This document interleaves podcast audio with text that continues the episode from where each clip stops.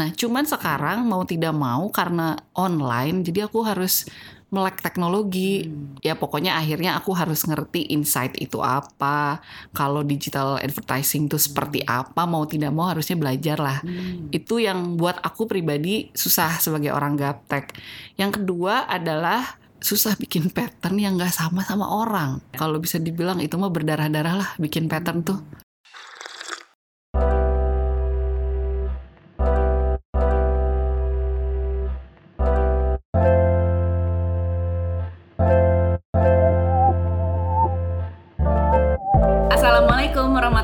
Wabarakatuh Jumpa lagi saya Hana Farid Di episodenya Mode Stock yang terbaru Dan tentunya saya nggak sendirian. Nah di episode ini aku undang Teteh aku dari Bandung Mojang Priangan nih.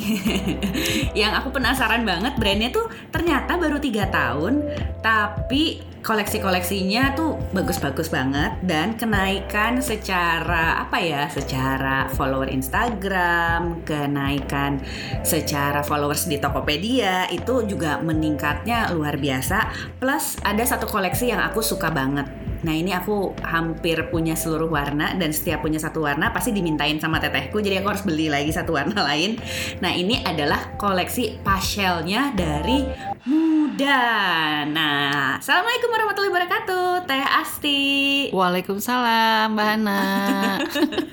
Terus kita ketawa-ketawa dulu. Jadi sebelum ini start nih kita tuh udah ngobrol-ngobrol panjang terus eh ayo tuh kita rekam ini. ini eh, jangan-jangan nanti ada keluar bahasa-bahasa Sunda ya. iya ya, ya orang Sunda Orang tuh dah. Bandung. Eh. biarin aja. Teh Asti, ceritain dulu dong itu awal mulanya ngebangun muda. Jangan-jangan Teh Asti tuh ini usaha yang kesekian ya? Eh. emang emang berwirausaha udah lama ya? Aduh, ini mah bocorannya banyak ya bahan mah.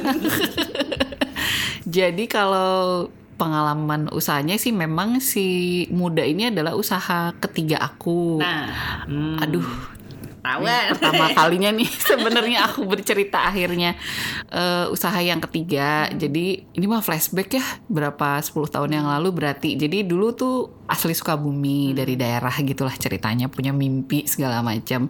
Terus dulu mah cita-citanya pengen jadi wanita karir. Ceritanya akhirnya ke Bandung lah. kerja gitu di perusahaan apa gitu Di, ya? pokoknya mimpinya itu jadi wanita karir kerja di gedung-gedung tinggi. ya, ya, dari Sukabumi kan ya, kebayang. Terus ke Bandung lah kuliah gitu kan. Terus alhamdulillah punya kesempatan kerja. Startnya levelnya dari admin ya waktu itu tuh. Terus ya karena semangat ya punya mimpi. Terus akhirnya eh, ya mencapai satu posisi lah. Nah, tapi memang pada saat mencapai cita-cita terbentur ada masalah keluarga yang akhirnya harus memilih keluarga diutamakan lah Ya. gitu. Hijrahlah aku ke Jakarta, terus lalu membukalah manajemen artis Oh, awalnya. sama ya gitu karena eh, bukan manajemen artis ini memang pada dasarnya emang nggak bisa diem. Yang tadinya zaman kerja kan kalau kerja handphone harus 24 jam, Mm. terus kita harus siap lembur, harus keluar kota.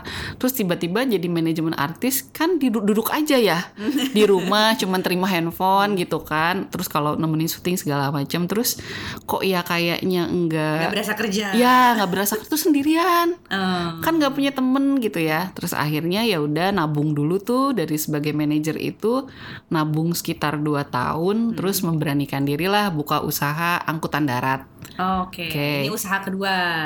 Ya nah dari usaha angkutan darat aku menabung lagi lah ceritanya. Ih, menis seneng ya, Terus- seneng nabung. kan mimpinya teh ya. Soalnya kalau aku nggak nabung dan nggak kerja keras ya aku nggak bisa apa-apa karena keluarga aku juga dari keluarga sederhana gitu. Dan sudah tidak punya papa. Jadi memang harus kerja keras nih kita sekeluarga. Nah terus akhirnya nabung lagi dari si angkutan darat ini mau bikin apa gitu kan. Terus ngeliat lah market di pasar tuh seperti apa sih sekarang apa yang lagi rame kebetulan ya bukan kebetulan sih ya emang aku pecinta salah satu brand boleh disebutin nih Boleh. Oke, aku tuh dulunya pecintanya Ria Miranda banget gitu ya. Kalau orang Ini RLMC nih ya. Nggak, aduh malu lah kalau bilang RML sih, karena sebenarnya nggak ikut-ikutan yang, Oh, nggak ikut jalan-jalan. ya nggak ikut jalan-jalannya. Ikut berburu, Mak. Berburu Ya, bagi-baginya. heeh. ya kalau orang-orang deket aku tahu banget lah gimana aku tuh yang setiap hari selalu pakai bajunya Ria Miranda gitu. Kalau nggak baju, kerudung, apalah gitu. Secinta itu aku tuh memang ngalamin pre-love-nya segala macam sampai berburu just tip. Sampai aku sempet komen tuh di Instagramnya Uni aduh susah banget dapetin koleksinya Ria Miranda tuh gitu kan. Dari situ sebenarnya aku akhirnya membaca peluang. Mungkin pada saat itu aku punya rezeki yang cukup untuk bisa membeli koleksinya Ria Miranda.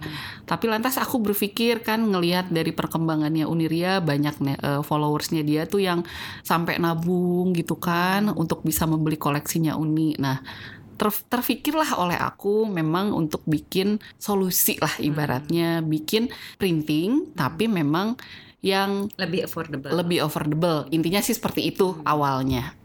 Nekat lah ya hmm. buka. Eh pas survei selama enam bulan hmm. ternyata kolamnya udah keisi ya Mbak Ana. Oh banyak. Ya banyak ternyata. ternyata saya yang telat membaca pe peluang market sebenarnya karena mungkin udah keasikan jadi pecinta nah. Umi gitu ya. Nah terus oh ternyata pemainnya udah ada brand-brand yang lebih senior ini. Waduh muter otak tuh. Hmm. Wah gimana ya bikin itu belum bikin.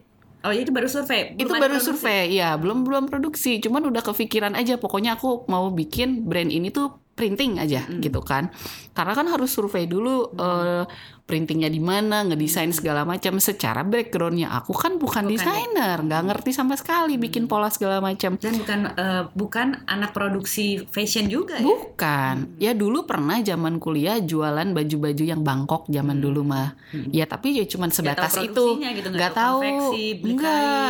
Oh, aku dulu survei sendiri. Survei sendiri. Nah, pelajarin dulu tuh enam bulan. Oh, ternyata pemainnya tuh udah ada. Hmm. Dan mereka sudah kebentuk dengan followersnya yang pada saat itu aku lihat tuh sudah 200 ribu gitu kan wah agak berat nih cuman pas aku lihat-lihat oke okay, masih bisa lah. Hmm. uh, belum terlalu penuh gitu. Akhirnya memberanikan diri. Waktu pas awal bikin muda pun aku belum berani printing sendiri. Hmm. tes market dulu. Akhirnya aku beli kain pabrikan tapi memang sudah motif dari awal hmm. gitu kan.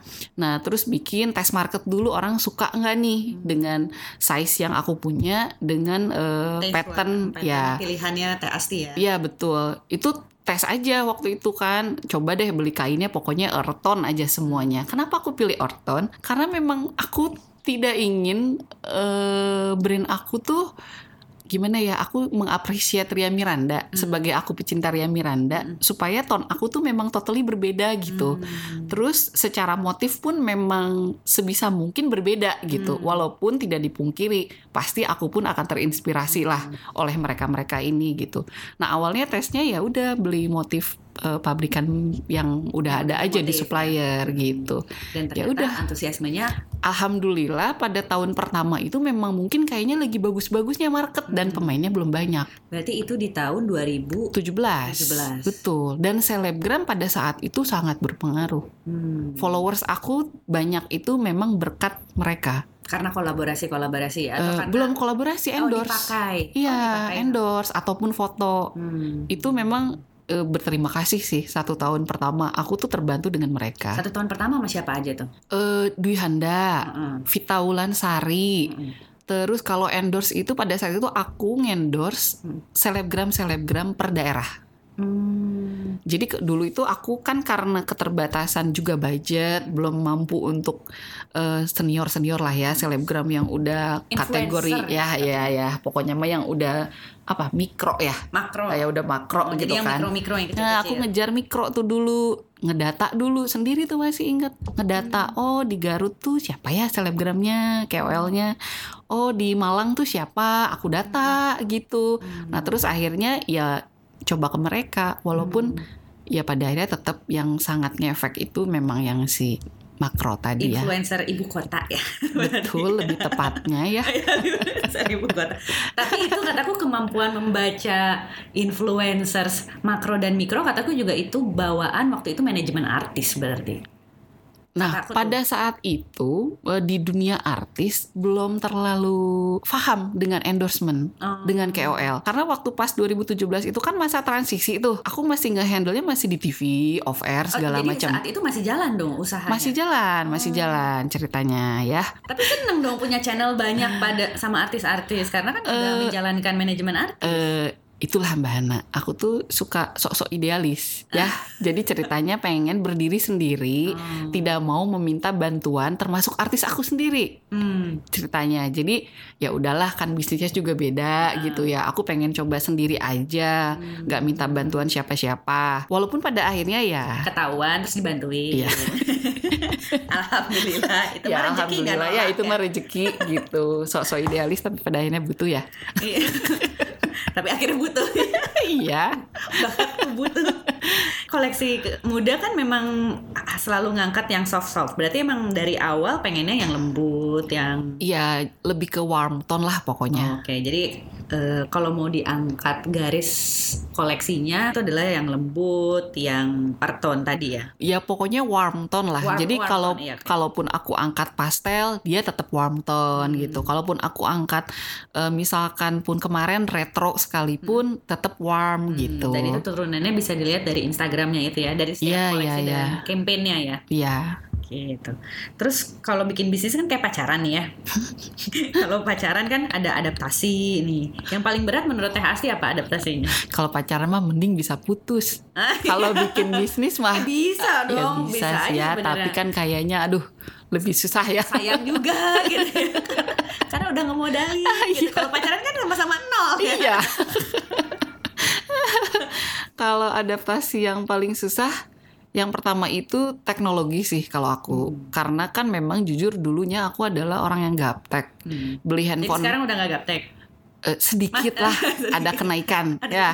Kalau dulu mau beli handphone aja tuh orang-orang pada beli iPhone ibaratnya, aku nggak tertarik gitu.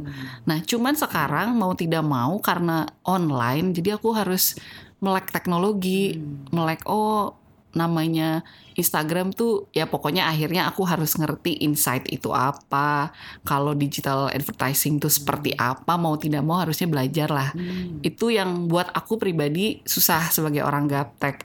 Yang kedua adalah susah bikin pattern yang nggak sama sama orang. Karena sekarang udah banyak orang yang Aduh, bermain pattern Ya, gitu ya. kalau bisa dibilang itu mah berdarah-darah lah bikin pattern tuh.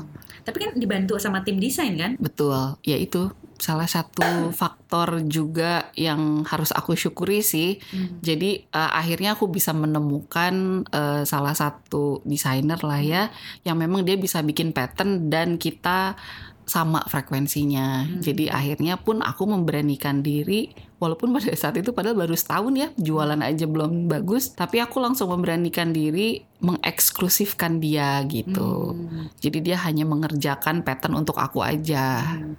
Berarti sebenarnya selain pemain pattern tuh kan katanya eh, lagi hangat-hangatnya banyak market market tuh lagi suka-sukanya pattern. Tapi di Betul. sisi lain justru dilema juga karena nggak enak buat sama gitu ya patternnya Oh, sama iya. brand lain. Gitu. Iya, Jadi di sisi positifnya marketnya lagi banyak, tapi di sisi negatifnya ya nggak mau sama juga sama brand lain. betul ya. betul. Ya gimana pun juga kita pasti nggak mau lah ya dibilang sebagai followers gitu pasti nggak mau.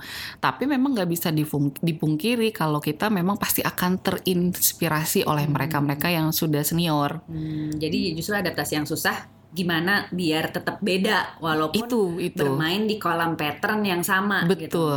Itu setengah mati sih menurut aku. Hmm. susah lah gitu apalagi kan karakter owner brand juga beda-beda ya mungkin ada yang happy aja ketika dibilang mirip atau ada juga yang malah marah-marah gitu Mm. kan ya beda-beda ya Hmm. karakter orang cuman aku sih berusaha sebisa mungkin untuk tidak sama ya kalau aku sih bilang sama si desainer aku kita selalu ngobrol sebisa mungkin kemiripan kita pun itu udah mentok di 50% deh Hmm. apakah kemiripan itu bisa misalkan warna Hmm. atau misalkan tema yang diangkat gitu Hmm. kan ya itu udah mentok banget 50% selebihnya tuh kita harus explore sendiri Hmm.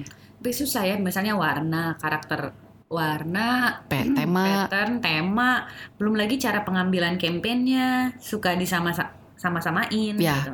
kadang produknya udah beda kalau kampanyenya sama kelihatannya jadi sama Oh iya benar. jadi kayak eh, tetap aja akhirnya dibilang followers gitu ya Hmm. sementara kita juga bikin campaign muter otak juga gitu sama tim kan harus gimana gitu yang paling bisa karena karena skopnya udah emak-emak ya kalau segmentasi aku jadi kan emak-emak tidak bisa di treatment aneh-aneh. Hmm. dia dikasih campaign yang lebih sulit nggak keterima sama mereka. Hmm. ini apa ya? Misalkan kita ngambil campaignnya misalkan kita ngikutnya kayak Chanel misal itu nggak kemakan. Hmm. orang nggak paham terlalu high fashion. Karena si emak-emak ini maunya lihat yang bagus yang cantik ya, affordable dah Hmm. gitu. Pokoknya yang relevan bisa kelihatan dia pakainya kayak gimana. ya gitu Hmm, Kalau investasi untuk awal brand, mendingan investasi ke influencers nih kolaborasi atau mendingan website sendiri? dua-duanya sih Oh, dua Kalau aku- waktu itu yang waktu itu aku jalanin dua-duanya pada saat enam bulan awal itu aku masih open order itu kan WA sama lain ya Hmm. pada saat itu tapi mulai menjajaki untuk endorsement nah di bulan eh, bulan ketujuh itu memang aku sudah mulai develop website Hmm. dan endorsementnya udah mulai ya meningkat tadi lah gitu Itu internal semua tuh. semua internal ya lebih tepatnya aku aja sama partner aku berdua Internal. yang mikirnya berdua aja Jadi eh, CMO-nya siapa? Asik. CEO-nya siapa? Eh, asik. CFO bagian keuangan?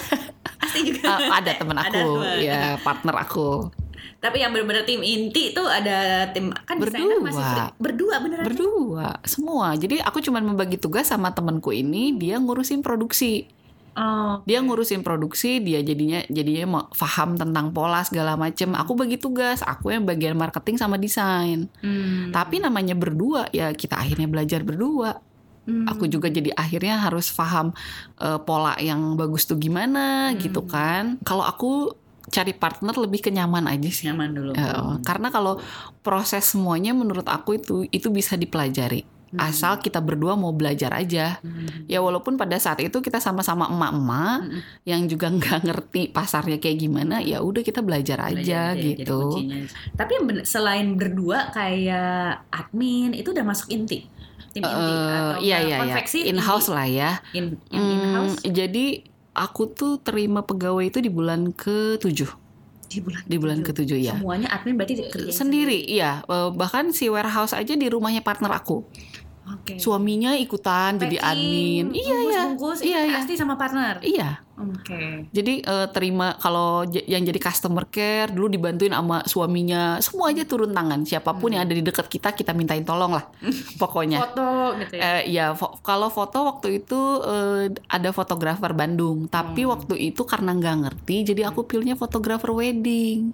Oh. Which is ternyata itu sangat berbeda ya. Iya. Fotografer wedding sama eh, sama komersil tuh beda lah gitu. Di bulan ketujuh itu aku baru manggil satu desain grafis, satu admin, Hmm. sama satu orang gudang. Tahun kedua juga nggak banyak orang tim aku sampai sekarang cuma delapan. ya, Semuanya freelance. Aku kan kayak si desainer ini yang pattern ini dia memang punya kontrak, tapi dia juga nggak ngantor kan, karena memang dia stay-nya di Jerman juga. Konten untuk yang kreatif itu freelance juga. Terus Dengan desain bagi hasil gitu ya. enggak Oh, fee per bulan. Iya, fee per bulan. Terus kayak fashion designer juga aku freelance. Yang aku punya cuma tukang pola aja satu.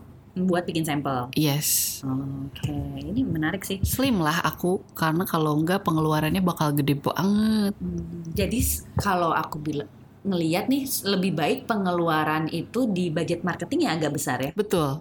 Dibandingkan di internal timnya ya. Iya, karena kalau tiga tahun sekarang ini buat aku, aku masih sangat butuh exposure yang besar.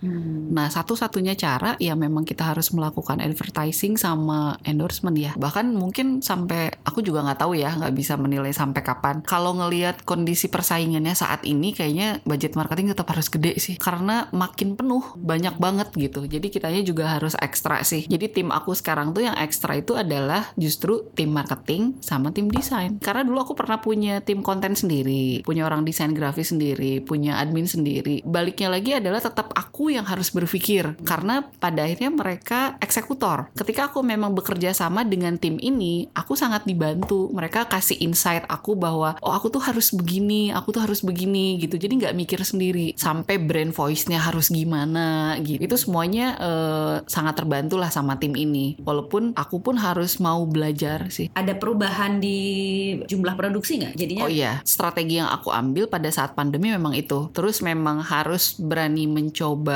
uh, produk yang berbeda dengan yang biasa kita keluarin. Dulu aku nggak pernah ngeluarin daily set atau home dress gitu ya. Tapi pada saat pandemi ya mau nggak mau memang itu yang dibutuhin. Banyak sekali idealisme aku yang pada akhirnya kebentur sama reality. Aku harus banyak legowo lah. Biasanya mengandalkan data dari mana? Dari website, dari Instagram, dari mana lagi? Sama Riset. di customer care ya. Oh, customer. Customer care itu bener-bener aku dengerin sih hmm. apa kebutuhannya mereka. Nah, makanya sekarang di tim yang si konten sekarang itu memang konten engagement itu sangat dibutuhin. Hmm. Kayak aku pengen uh, bikin produk apa, survei dulu deh dan lewat Instagram. Lewat Instagram. Aku bikin survei kemarin aja di awal tahun pas eh pas waktu awal pandemi, aku bikin survei lagi real customer aku tuh siapa sih sebenarnya. Hmm. Terus mereka tuh maunya apa? Ya kita bikin survei sedetail mungkin lah gitu. Itu semuanya lewat WA sama Instagram. Nah, dari situ datanya dikumpulin dan ternyata aku awalnya pesimis sih waktu hmm. pas si tim bilang, e, "Bu, bikin aja survei gini gini gini gini." Aduh, mama disuruh survei males ya. Hmm. Ngisi form segala macem males gitu kayak kayaknya. Ya tapi kita mau cari dari mana lagi karena kita nggak punya store kan. Hmm. Ya udah akhirnya dibikinilah tuh sama mereka. Oh ternyata hmm. cukup efektif. Dan valid tuh. Setelah dicoba uh, akhirnya dikeluarin tuh. Uh, valid karena memang real followers kita kan. Hmm. Gitu. Jadi bu uh, ya beda ibaratnya followers kita yang mengejar giveaway sama followers kita yang memang pengen produk apa tuh beda gitu. Jadi pas lagi awal pandemi itu akhirnya aku memang oh ternyata orang-orang tuh pengennya home dress. Ya akhirnya di situ. Gitu. Okay. Karena survei. Karena survei dan lagi-lagi uh, logika berbicara. Yes. Apakah itu juga yang menjadi awal mula Pastel dibikin? Iya, ya. Oh iya. Iya. Ditanyain Jadi mendingan Pasmina atau mendingan Square gitu. Hmm, nggak nggak sespesifik itu sih sebenarnya. Sebelum aku bikin survei, sebetulnya aku sering ngobrol sama uh, teman-teman lah gitu. Dulu pada saat aku masih muda tuh emang pakainya kan Pasmina. Hmm. Ketika usia seiring waktu bertambah kok kayaknya nggak pede pakai pakai Pasmina ini. Udah mah uh, bulat ya, hmm. berat badan bertambah kok kayaknya udah nggak cocok pakai pasmina gitu tapi masih kepengen sebenarnya hmm. gitu nah terus uh, dari situ sempet aku ngelihat kok banyak brand yang pada ngeluarin pasmina dan mereka bagus-bagus aja penjualannya gitu hmm. bahkan ada brand-brand yang memang jualannya khusus hijab dan hmm. itu sukses yeah. nah terus akhirnya mikir uh, udah nyobain berapa kali juga tetap aja nggak enak di di muka aku tuh kalau ngaca tetap nggak bagus hmm. gitu. Nah terus kan kebetulan si ada ipar aku ini juga dia punya masalah yang sama, hmm. curhat-curhatan lah kita. Terus solusinya apa gitu kan? Nah terus coba-cobalah mencari mencari mencari. Kayak jadi sama Ayu nih diskusinya. Iya sama Ayu diskusinya. Menurut aku Pasel itu nggak kayak nggak nggak turun gitu walaupun pasmina kan kalau pasmina tuh turun ya nah kayak gini nih nempel banget yes. di jidat gitu iya betul itu juga memang hasil riset juga. Kan ada juga yang sudah mengeluarkan pasmina terus dia pakai iketan di belakang Iya benar. Iya benar. Ya, itu aku punya juga. pernah nyobain juga. Uh, -huh. Tapi kok tetap uh, geser-geser gitu hmm. kan. Terus tetap ke mukanya tetap nggak enak. Mungkin hmm. karena memang pada dasarnya aku udah, udah suka sama si Square ya uh. looknya gitu dan ngerasa cocok. Hmm. Cuman kan ada kalau Square kan ya gini-gini aja ya. Hmm. Cuman diginin aja, nggak bisa diapa-apain gitu. Yeah. Kita nggak bisa bermain. Nah dari situlah justru pemikirannya. Oh ternyata sebenarnya udah banyak yang melakukan inovasi di pasmina tuh. Ada pasmina instan, ada yang di tali supaya ya. mereka uh, diem aja gitu. Nah ternyata ya ketemulah si Pascal inilah intinya. Ya, itu biasanya kalau ada terobosan baru udah banyak juga nih yang uh, udah, oh, udah, udah, udah, bener ada. Udah. Terus materialnya sama? Uh, sama. Harganya? Harganya di atas aku. Oh di atas tapi. Iya. Ini yang nggak tahu kalau yang lain ya. Aku belum survei lagi sih. Hmm. Yang aku baru temukan harganya di atas aku. Hmm, siap-siap dong. Ini nggak mau dipatenin? Uh, siap-siap. Uh, kalau di Indonesia walaupun dipatenin bakal ini ya. Um, Sejauh mana efeknya? Langsung kita oh, pattern aja kayaknya susah mau dipatenin. Ini kan model yang dipatenin. Iya ya, a good idea Mbak Ana. Oke oke. Mungkin ya nanti kita pikirkan ya. Kalau untuk nyari customer baru tetap efektif online. Uh, saat ini ya, saat ini ya tetap. Kalau bazar itu berarti juga tetap aja customer customer sendiri dong ya, bukan customer orang yang datang. Iya.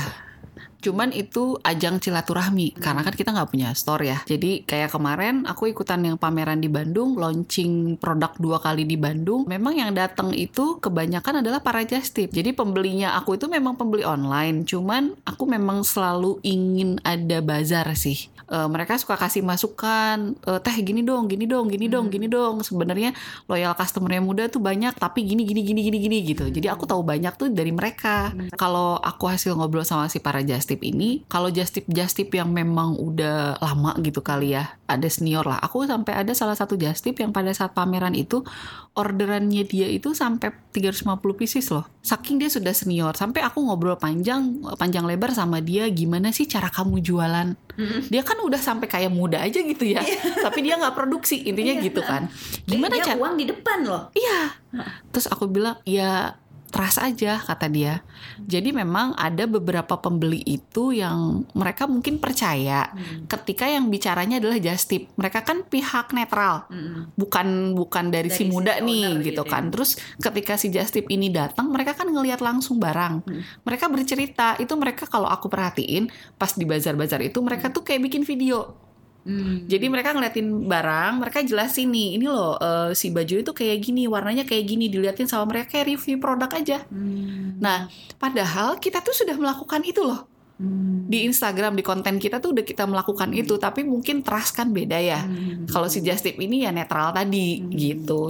Aku juga ada sih satu just tip yang aku kalau dia jualan apa aku rasanya pengen beli aja gitu, tapi makanan. Oh, Oke. Padahal bisa aja kan aku langsung ke tokonya gitu. Tapi entah kenapa tuh kayaknya ini nih nih makanan ini lagi enak loh gitu. Jadi kepengen beli gitu. Jadi aku merasa pekerjaan just tip itu juga just tip itu juga ada charmnya ya. Iya iya. Jadi pesona penjualnya gitu. Iya dan kadang kita bisa tahu sesuatu yang baru dari mereka. Dulu juga waktu pas aku jadi eh, pembelinya Ria Miranda nih, kan itu dibikinin grup Just Tip tuh. Kadang mereka udah dapet bocoran duluan. Aku juga nggak paham gimana. Kalau kole- koleksi yang keluar itu adalah akan ini gitu. Hmm. Misal nih, waktu itu kalau misalkan eh, bikin acara fashion show misal, nah mungkin Just Tip punya entah siapa mungkin kenalannya lagi fashion show, terus dia bisa ngelihat ada produk apa aja. Sementara kita yang eh, netizen umum nggak tahu kan apa yang lagi dilaunchingkan gitu. Oh. Nah itu kadang mereka bisa beli informasi duluan.